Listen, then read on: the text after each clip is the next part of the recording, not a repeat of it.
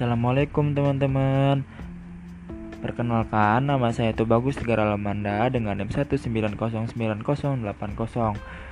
Gimana nih kabarnya teman-teman? Semoga sehat selalu ya dan selalu dalam lindungan Allah Subhanahu wa taala. Nah, di podcast kali ini saya akan menjelaskan atau membahas tentang sumber-sumber hukum Islam. Sumber-sumber hukum Islam di Indonesia itu terbagi menjadi dua ada yang sudah disepakati ulama dan ada yang masih diperdebatkan oleh ulama. Nah, sebelum masuk ke pembahasan tentang sumber-sumber hukum Islam, kita cari tahu terlebih dahulu apa sih sumber itu? Sumber menurut Kamus Umum Bahasa Indonesia, sumber adalah asal sesuatu. Adapun sumber hukum Islam adalah asal atau tempat pengambilan hukum Islam dalam perpustakaan hukum Islam di tanah air kita.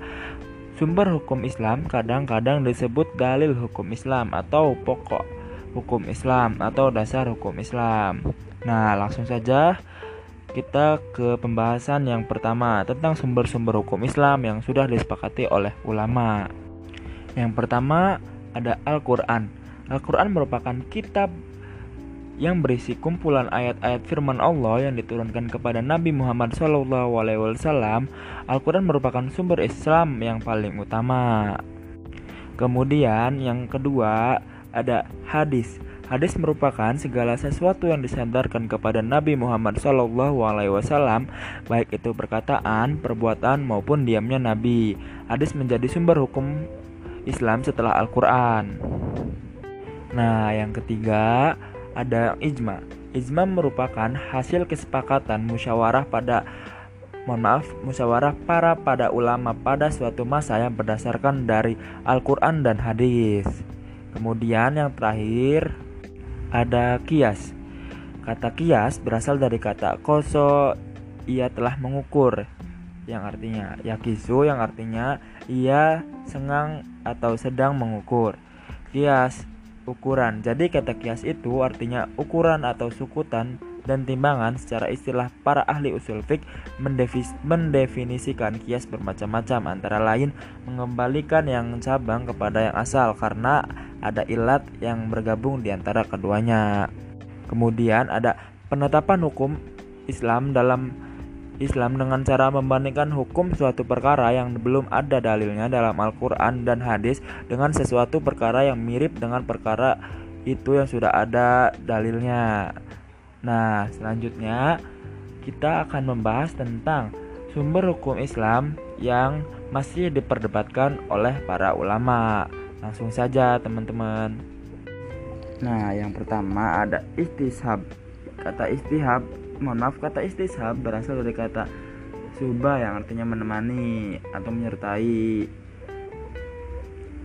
sedangkan secara istilah ilmu usul fiqh yang dikemukakan oleh Abdul Hamid Hakim istishab yaitu menetapkan hukum yang telah ada pada sejak semula tetap berlaku sampai sekarang karena tidak ada dalil yang berubah. Kemudian yang kedua ada istishab Nah, istishan dilihat dari asal bahasa istishan berasal dari kata istahsana yastahsinu istihsan yang artinya mencari kebaikan. Al Hasan menyebutkan makna istishan secara bahasa dengan ungkapan tolab talb ma'ahsana artinya mencari yang lebih baik sedangkan secara istilah istihsan itu adalah berpindah dari suatu hukum yang sudah diberikan kepada hukum lain yang sebanding dengannya karena ada suatu sebab yang dipandang lebih kuat. Kemudian yang ketiga ada maslahah al-mursalah. Maslahah al-mursalah berarti prinsip kemaslahatan. Kebaikan yang dipergunakan menetapkan suatu hukum Islam juga dapat berarti suatu perbuatan yang mengandung nilai baik atau bermanfaat Sedangkan menurut istilah ulama usul fiqh, maslahah mursalah adalah sesuatu yang mengandung kemaslahatan dirasakan oleh hukum sesuai dengan akal dan tidak terdapat pada asal. Kemudian yang keempat ada al-urf. Secara etimologi, urf sesuatu yang dipandang baik, yang dapat diterima akal sehat.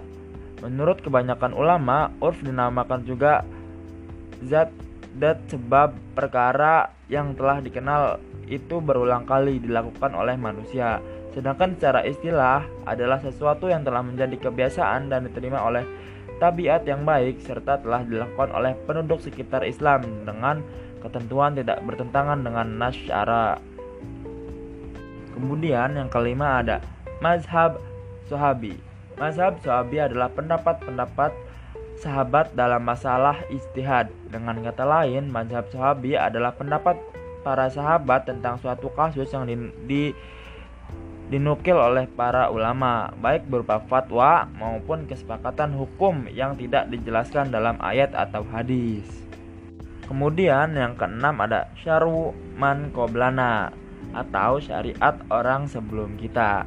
Syaruman koblana adalah sesuatu yang dinukilkan kepada kita dari hukum-hukum syara yang telah disyariatkan Allah Subhanahu wa taala bagi umat-umat dahulu melalui nabi-nabinya yang diutus kepada umat itu seperti Nabi Ibrahim alaihissalam, Nabi Musa alaihissalam, dan Nabi Isa alaihissalam.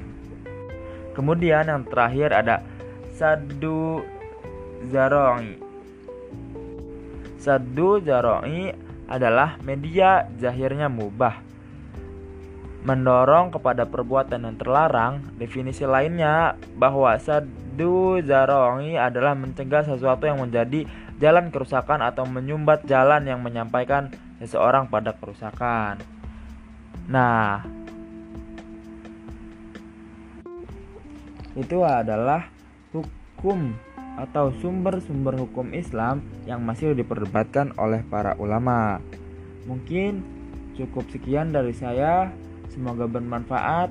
Ungdur man kola wala tangdur man makola.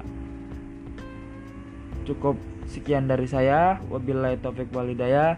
Wassalamualaikum warahmatullahi wabarakatuh. Terima kasih.